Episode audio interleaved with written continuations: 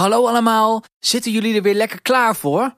Dit is het Sinterklaasverhaal over koekenbakkerspiet en de regenboogsleutel.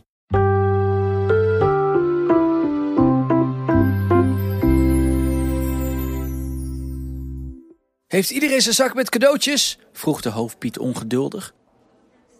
In de hal van het grote pietenhuis stonden alle pieten die die nacht de daken op moesten om de schoentjes van de kinderen weer te vullen met lekkers en kleine pakjes. De grotere pakjes waren immers voor pakjesavond. Ja! hoorde hij iedereen in koor roepen. Goed zo. En heeft iedereen vanmiddag nog zijn klimcapriolen geoefend? Het kan vanavond gaan sneeuwen en dan wordt het glad. Gisteren zijn er ook al drie pieten gevallen. Ik kan niet nog meer ongelukken gebruiken. De hoofdpiet klonk een beetje streng en bezorgd tegelijk. Ja, hoorde hij. Eén pietje zei niets. Hij staarde naar de grond. Het was koekenbakkerspiet en hij stond met het zweet in zijn handen. Zijn zak gleed er bijna uit. Liever stond hij in de keuken om pepernoten en speculaas te bakken, maar hij moest invallen. Hoofdpiet had gezegd: Koekjes bakken we nu even niet. Ik heb drie pieten met verstuikte enkels. Onmogelijk dat zij het dak op kunnen. Kom op, een beetje Piet is een hele Piet en moet alles kunnen. En nu stond hij hier tussen allemaal enthousiaste Pieten. Hij hoopte maar dat hij klaar zou zijn voordat het ging sneeuwen. Anders was hij misschien wel nummer vier met de verstuikte enkel.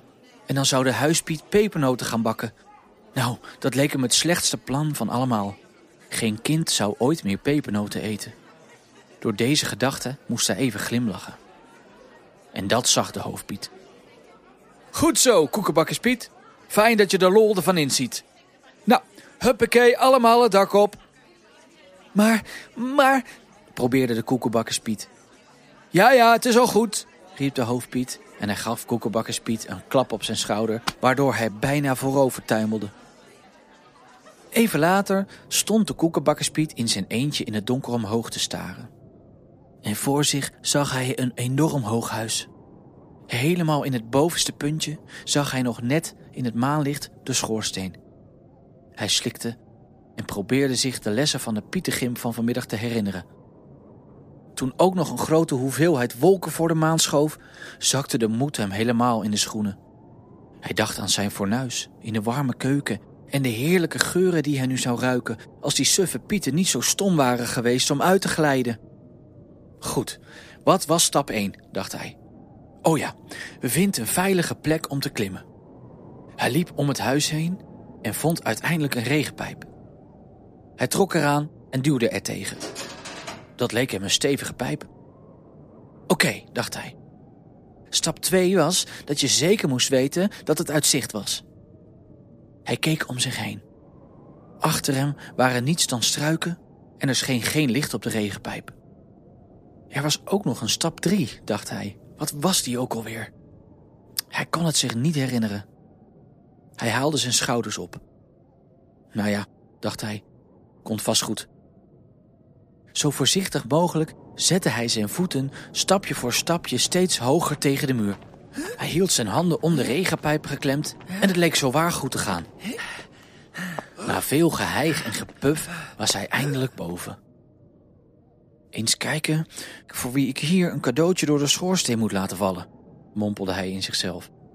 Hij keek om zich heen. Waar heb ik de zak nou gelaten? vroeg hij zich ineens af. Hij tuurde naar beneden. Oh nee, fluisterde hij heel hard. Naast de regenpijp stond zijn zak met cadeautjes nog. Dat was stap drie. Verdrietig klom koekenbakkerspiet weer naar beneden. Zie je wel dat het niets voor mij is? mompelde hij.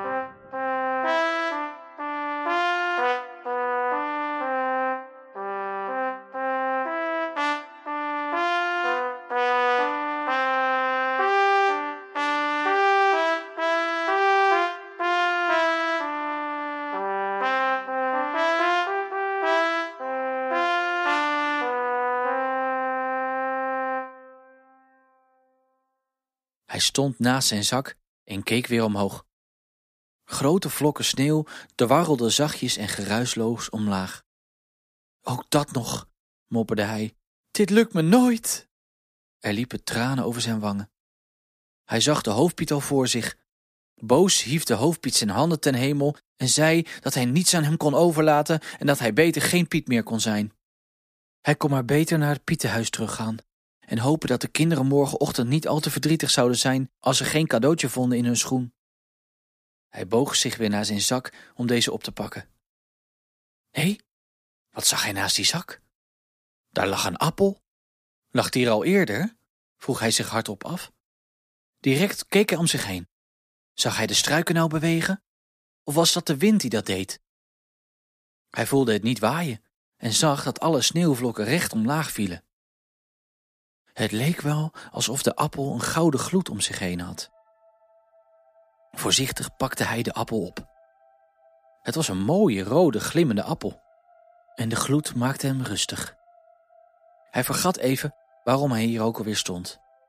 Ineens rommelde zijn buik. Hij had zin om in de appel te bijten. Maar kon dat wel? Zou de appel betoverd zijn? Nee, dat kan toch niet? Hij als koekenbakkerspiet zou een betoverde appel heus wel herkennen. Sinds Sneeuwwitje had hij niet meer gehoord dat iemand zich in een appel had verslikt. Koekenbakkerspiet zette zijn tanden in de appel. Zo'n zoete appel had hij nog nooit geproefd. Hij vergat alles om zich heen en nam nog een hap. Bij de derde hap voelde hij iets heel hards in de appel. Het was te groot voor een pitje. Hij beet het stuk eraf en haalde het uit zijn mond. Hij veegde de appelresten eraf en zag wat hij in zijn handen had. Een sleutel. De sleutel glinsterde in zijn hand en had alle kleuren van de regenboog. Wat voor sleutel was dat? Voor welk slot was dat bedoeld? Koekenbakkerspiet krabde eens op zijn hoofd. Hij snapte er niets van. Hij stopte de sleutel in zijn broekzak en pakte de zak met cadeautjes op. Hij dacht weer aan zijn mislukte klimpoging en liep verdrietig langs het huis naar de voorkant. Voordat hij richting het Pietenhuis liep, keek hij nog een keer om. Hij moest denken aan die lieve kinderen die daar lagen te slapen en morgenochtend verdrietig naar hun lege schoenen zouden staren. Tranen rolden over zijn wangen. Wacht, wat zag hij nou? Bij de voordeur zag hij dezelfde gloed als bij de sleutel.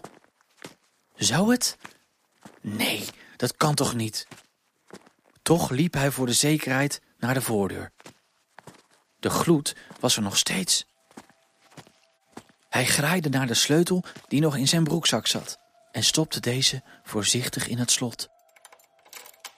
Geruisloos draaide hij de sleutel om en de deur zwaaide open. Binnen een paar seconden was hij weer buiten en sloot zachtjes de deur achter zich. Hij was zijn verdrietige bui helemaal vergeten en liep naar het volgende huis op zijn lijstje. Ook daar gloeide het slot. Bij elk huis waar hij cadeautjes moest brengen, kwam Koekenbakkerspiet met zijn regenboogsleutel binnen. Van alle pieten was hij als eerste terug in het pietenhuis. Zo zo, Koekenbakkerspiet, zei de hoofdpiet toen hij zijn hoofd uit de lege zak had gehaald. Alle cadeautjes zijn eruit. Heb je ze echt allemaal bezorgd? De koekenbakkerspiet knikte trots. Nou, daar kunnen de andere pieten nog een voorbeeld aan nemen. Niet waar, Sinterklaas? Deze knikte langzaam en humde even. Hm. Hoofdpiet boog zich naar de koekenbakkerspiet toe en fluisterde. Wat is je geheim? Soms moet je in een appel durven bijten, fluisterde koekenbakkerspiet terug.